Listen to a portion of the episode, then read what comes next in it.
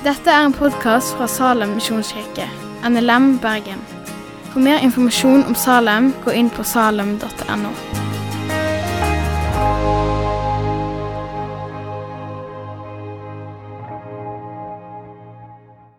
Og I dag så um, har jeg fått eh, som tema 'troverdig liv'. Aller først så må vi, um, må vi be. Må vi, vi, vi ha en lovprisning. Og så skal jeg avslutte denne bønnen med en, en bønn som eh, Pontoppidan skrev. Men la oss be. Gode Herre Jesus Kristus. Du er sann Gud. Du er den eneste sanne. Og det vil vi opphøye og prise deg for. Og vi vil takke deg for at du er kommet med liv, og du er kommet med overflod. Rettferdighet, fred og glede i Den hellige ånd. Og Jeg vil takke deg, Herre Jesus, at du har gitt meg tro og tillit til det. Takk for at du har gitt meg glede over at jeg, jeg kan ha håp og jeg kan se framover. Og du har gitt meg en, en grunn både til å stå på og en grunn til å stå opp og leve livet. Gode Jesus, vi ber om din hjelp og berøring. Vi ber om et, under, sånn at det, det, skjer noe mye, mye mer enn det som vi kan forstå og tenke. Og så ber jeg Herre om at eh, la meg ikke leve for meg sjøl, men i tro på Guds sønn så jeg i alle mine tanker, ord og gjerninger kan gjøre din vilje. Og i all nød søke tilflukt hos deg med mine bønner. Gode Far, forlat av nåde for Jesus skyld alt hva jeg hittil har gjort deg imot. Og gi meg fremdeles nåde til å bedre min syndige livsførsel ved sann fornyelse etter ditt eksempel.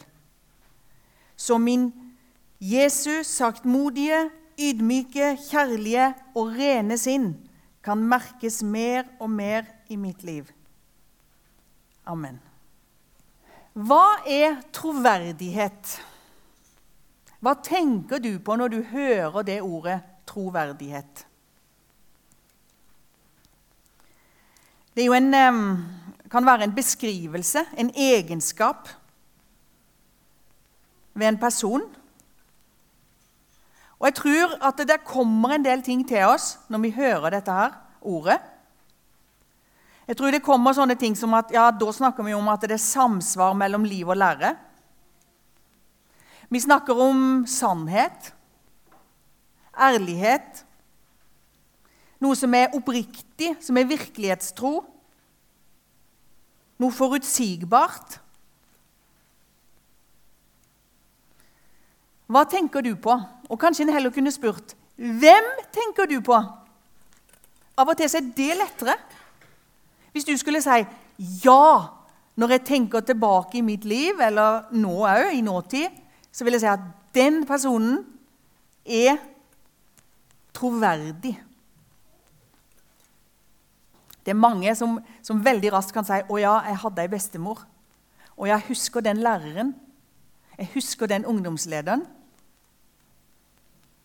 Og Når en da avklarer hvilken person det er, så vil en da veldig ofte finne de egenskapene. Det var noe trygt med den personen. Og jeg tror at det er vi kalt til som kristne. Et troverdig liv. Og da må vi tale sant om livet, og tale sant om kristenlivet, og tale sant om tjenesten. Det står så flott om Jesus eh, i eh, åpenbaringsboka, der det står om at han er rytteren på den hvite hest. Og Da har han to navn, og det er trofast og sannferdig. Det at vi er skapt av Gud med vår menneskelighet og alt hva det innebærer, Det betyr òg at vi er i tillitsbransjen. Og som kristen så er du i tillitsbransjen. Alt avhenger i, I forhold til de som ikke tror, så avhenger det veldig av at du har tillit. Og er det ikke utrolig med Jesus Kristus, som var hellig? Han var rein. Han var jo en eh, Han hadde alle de rette meningene. Han var utsendt av Gud. Og så var han en magnet på syndere. På de verste syndere.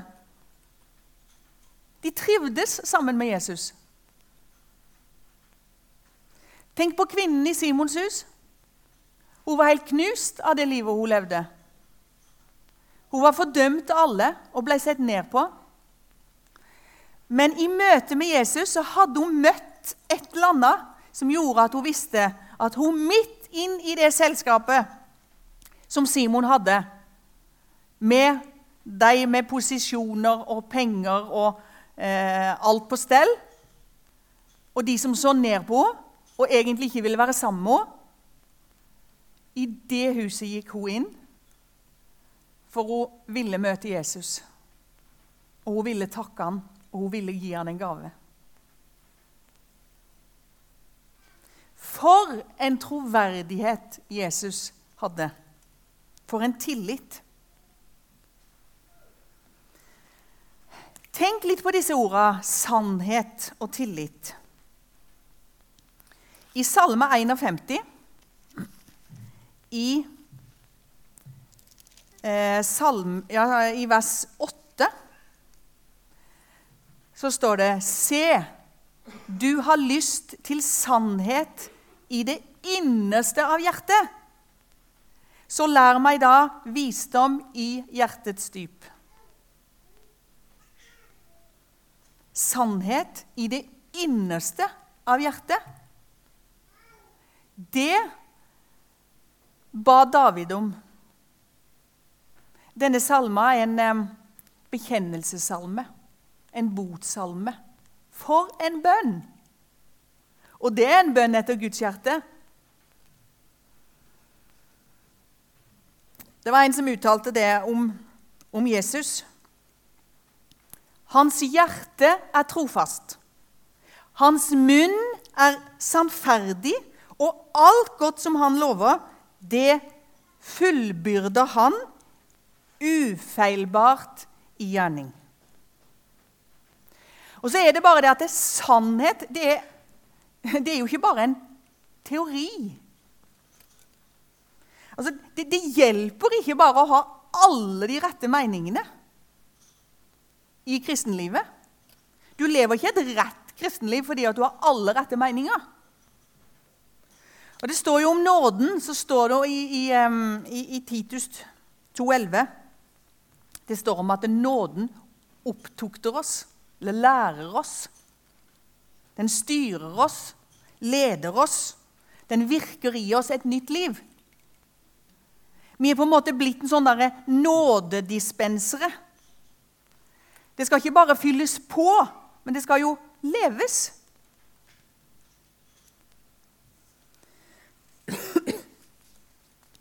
Jeg har fortalt den historien før når jeg underviste på et teologisk seminar i eh, Bolivia. Setela. Så hadde vi om misjonslære og skulle ha om det å gå til en ny eh, kultur som var aktuelt for dem. Dette var elever fra sånn type 28 til 40 år, så jeg var jo på samme alder som de. Vanligvis var det liksom en sånn distanse mellom lærer og elev. da. En veldig respekt. Så står jeg der og så sier jeg, 'lurer på' Bare sånn retoriske spørsmål. Bare sånn spurte ut i lufta. liksom. Lurer på hva det gjør med meg og med oss som er vestlige misjonærer. Og disse her, de var fra Bolivia, Peru og Ecuador. Hadde jo jobba med norske, danske, amerikanske misjonærer. Lurer på hva det gjør med, med oss, vår holdning eh, Alt. At eh, vi kommer fra verdens rikeste land, og så kommer jeg til Sør-Amerikas fattigste land. Vi har jo gode ordninger med lønn og ferier. og Vi kan jo ha hjelp hjemme i huset hvis vi vil, og vi har bil i jobben i alle fall. og Kan reise på ferie. Har aldri spurt meg noen gang jeg. hva skal jeg spise i morgen. Og Der står jeg og bare spør ut. Vet du hva? Så kunne de ikke dy seg for å svare. Og vet du hva de sa? Stolthet og hovmodighet. Jeg tror de hadde helt rett. Det. det er lett for meg, som kommer utafra, og så ser de veldige svakhetene som de har i Sør-Amerika, f.eks. med alkoholmisbruk, vold i hjemmet. Men prøv å tenke at de skal se vår kultur og oss som kristne. Vi har òg mange blindsoner. Stolthet og hovmodighet.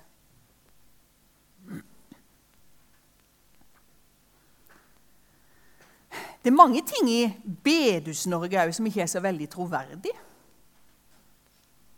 Men vi snakker kanskje ikke så ofte om det. Det kan jo bare være måten å snakke på. Det kan bare være at vi lager oss en, en sånn egen bedusstemme eller talestemme. Og Hvis du kommer utafra, så, så opplever folk at det er total mangel på troverdighet. Nå vet jeg det at de, de, fleste av oss vil jo få en type talestemme. altså en, en eh, Ei som underviser på småskolen, får jo også en spesiell stemme når hun skal snakke veldig tydelig til barna. Sånn det, ikke, det, det, er av og til litt vanskelig å, komme ut av det. Men hvis det blir helt fjernt for sånne som vanlige folk snakker, så er de jo ikke troverdige. Det går an hos oss òg. Vi har hatt en tradisjon f.eks. på kretsmøter og regionmøter. Der folk kan egentlig komme opp og si akkurat hva de vil.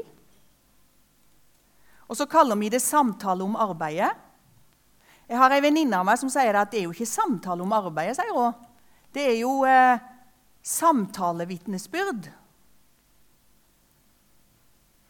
Og så er det kanskje noen som, som står der, og så, og så de en, eh, mener de noe veldig sterkt.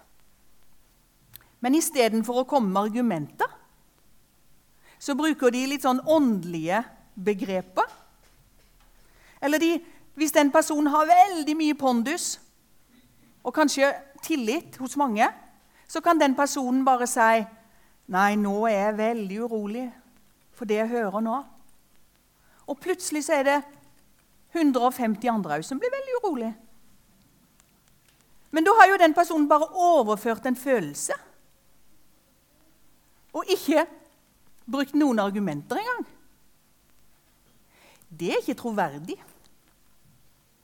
Og det blir avslørt av veldig, veldig mange.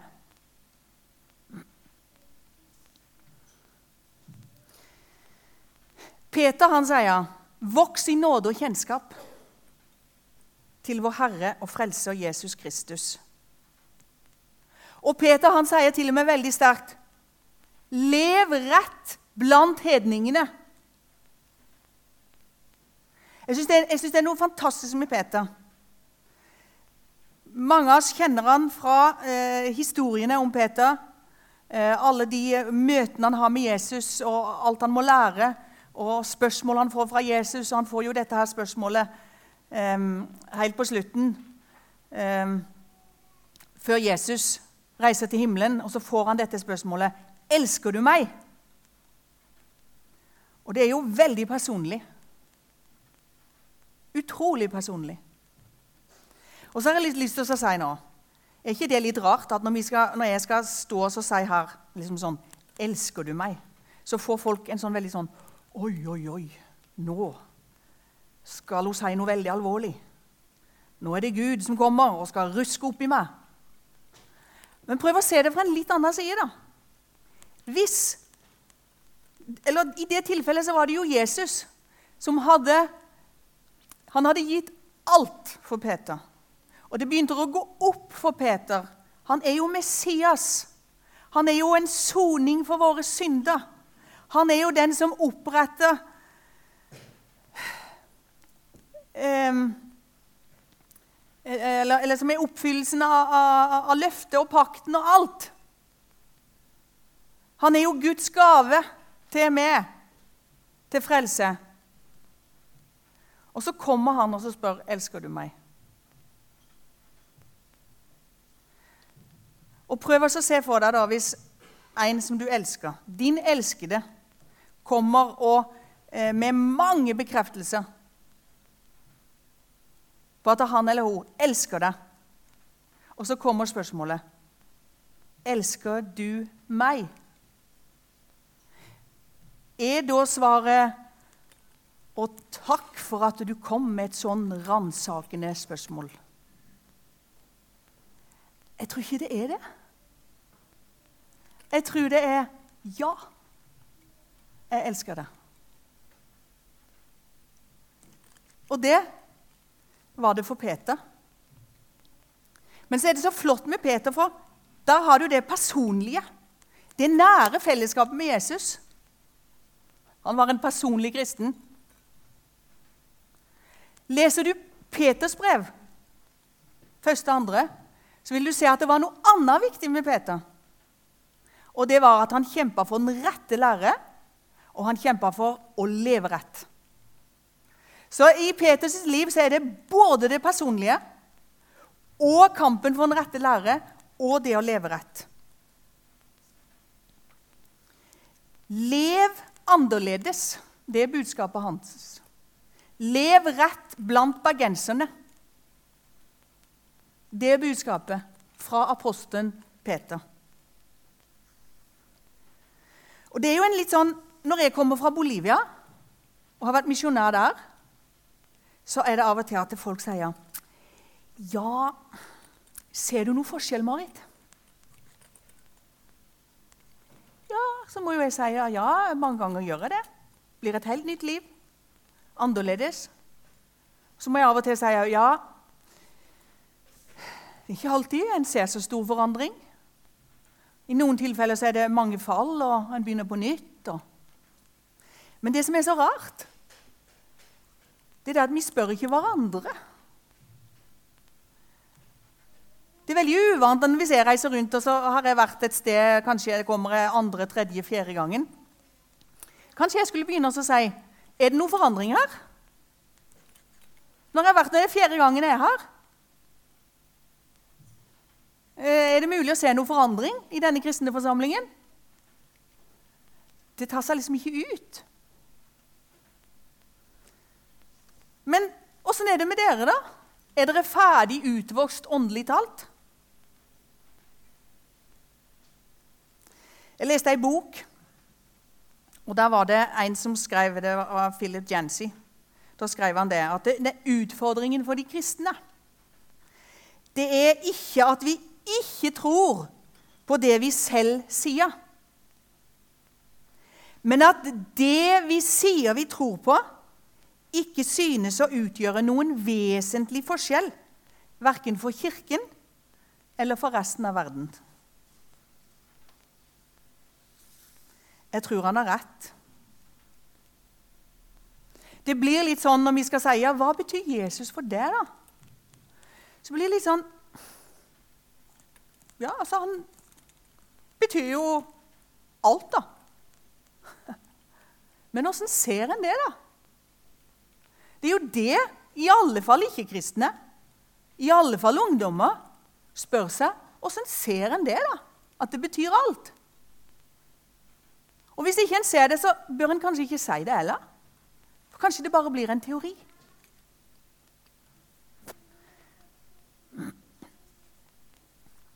Hvordan er du annerledes i forhold til dine naboer?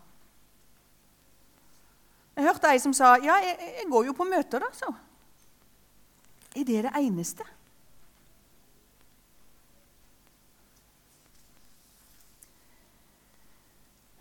Nå skal jeg lese en tekst for deg fra 1. Peter.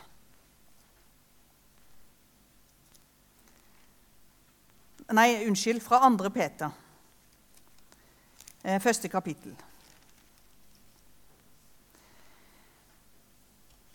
Og overskriften der der får du det som, eh, som, jeg sa, at han er opptatt av at en skal leve rett. Der skriver Peter at troen må vise seg i rett liv. Og så sier han det. Nå skal vi høre eh, Guds ord. Ettersom Hans guddommelige makt har gitt oss alt som tjener til liv og gudsfrykt, ved kunnskapen om Ham som har kalt oss ved sin egen herlighet og kraft og gjennom dette har gitt oss de største og mest dyrebare løfter, for at dere ved dem skulle få del i guddommelig natur, etter at dere har flyktet bort fra fordervelsen i verden, som kommer av lysten. Så står det Så legg nettopp derfor all vind på at deres tro viser seg i rett liv, og i det rette liv kunnskap, og i kunnskapen selvbeherskelse og i selvbeherskelsen utholdenhet, og i utholdenheten gudsfrykt. Og i gudsfrykten broderkjærlighet, og i broderkjærligheten kjærlighet til alle. For når disse ting finnes hos dere og får vokse, viser de at dere ikke er uvirksomme eller ufruktbare i kunnskapen om vår Herre Jesus Kristus. Og vers 9. Men den som ikke har disse ting. Han er nærsynt og blind og har glemt renselsen fra sine gamle synder. Det han sier på slutten der, det er jo egentlig det at hvis ikke ser de tinga i livet ditt, så er du nærsynt og blind, og du har egentlig ikke forstått det med tilgivelsen. Nå er det kanskje noen av som, som, er, som er frista til å skulle bruke det sjøl overfor andre. Det tror jeg kanskje vi skal være veldig forsiktige med. Men apostelen Peter kan det. Og han taler til oss. Nærsynt og blind. Hvordan ser det ut i ditt liv? Du skal få én tekst til fra Bibelen, som er fra Hebreerne 13, 1-8. Og på en måte så, så, må en jo si at det, um, forfatteren der har, har uh, skulle nesten til å si at han har ruska sammen um, utrolig mange uh, ting på de versene. Det er en oppfordring til gjensidig kjærlighet og òg det å leve rett. Og den teksten eh, handler om ulike ting, og dere får den på, eh, på skjermen òg.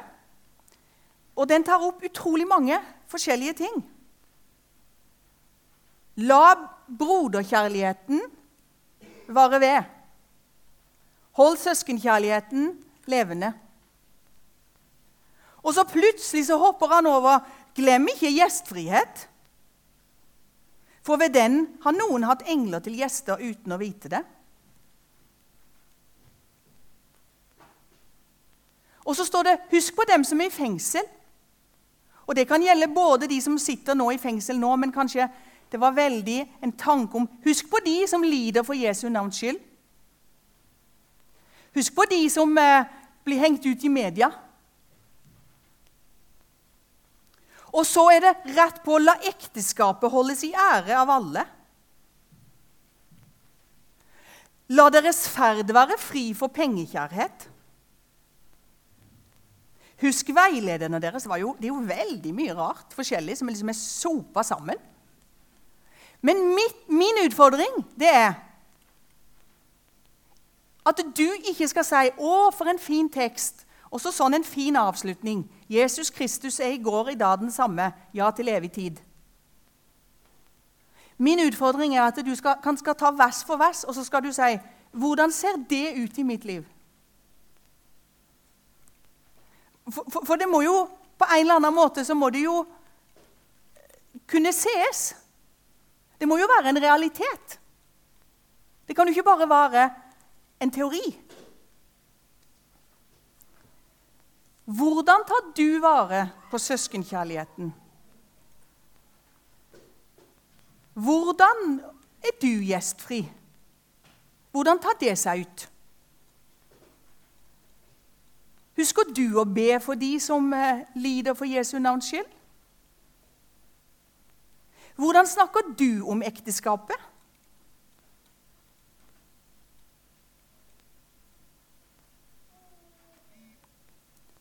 Åssen er det med pengekjærheten? Jeg snakker ikke her om at en skal lage noen regler for så og så mye skal det brukes, men hvordan er forholdet ditt til det du eier?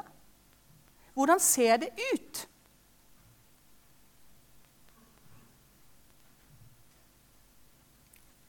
Det vil ha veldig, veldig mye å si for din troverdighet som en kristen. Og jeg tror at menneskene egentlig lengter etter troverdige kristne. Så vil du bli en sånn som Jesus, som folk veldig gjerne vil være sammen med. Som er god å være sammen med. Tenk på hun som eh, hadde fått egentlig hele livet sitt bretta ut med Sykas. Men da var tida over for å skjule, skjule. Da sa hun 'Jeg har møtt Jesus', og han har fortalt meg alt jeg har gjort. Og det var ikke lenger farlig. Og tenk, når det blir sånn, når mange lever sånn, så sier de 'Jeg har møtt han, hun, de'. Men det var ikke farlig. Og nå har jeg forstått hvem jeg er, og jeg trenger Jesus. Amen. Takk for at du har hørt på podkasten fra Salem, Bergen. I Salem vil vi vinne, bevare, utruste og sende. Til Guds ære. Vi ønsker å se mennesker finne fellesskap, møte Jesus og bli disippelgjort her i Bergen og i resten av verden. Vil du vite mer om oss, gå inn på salem.no.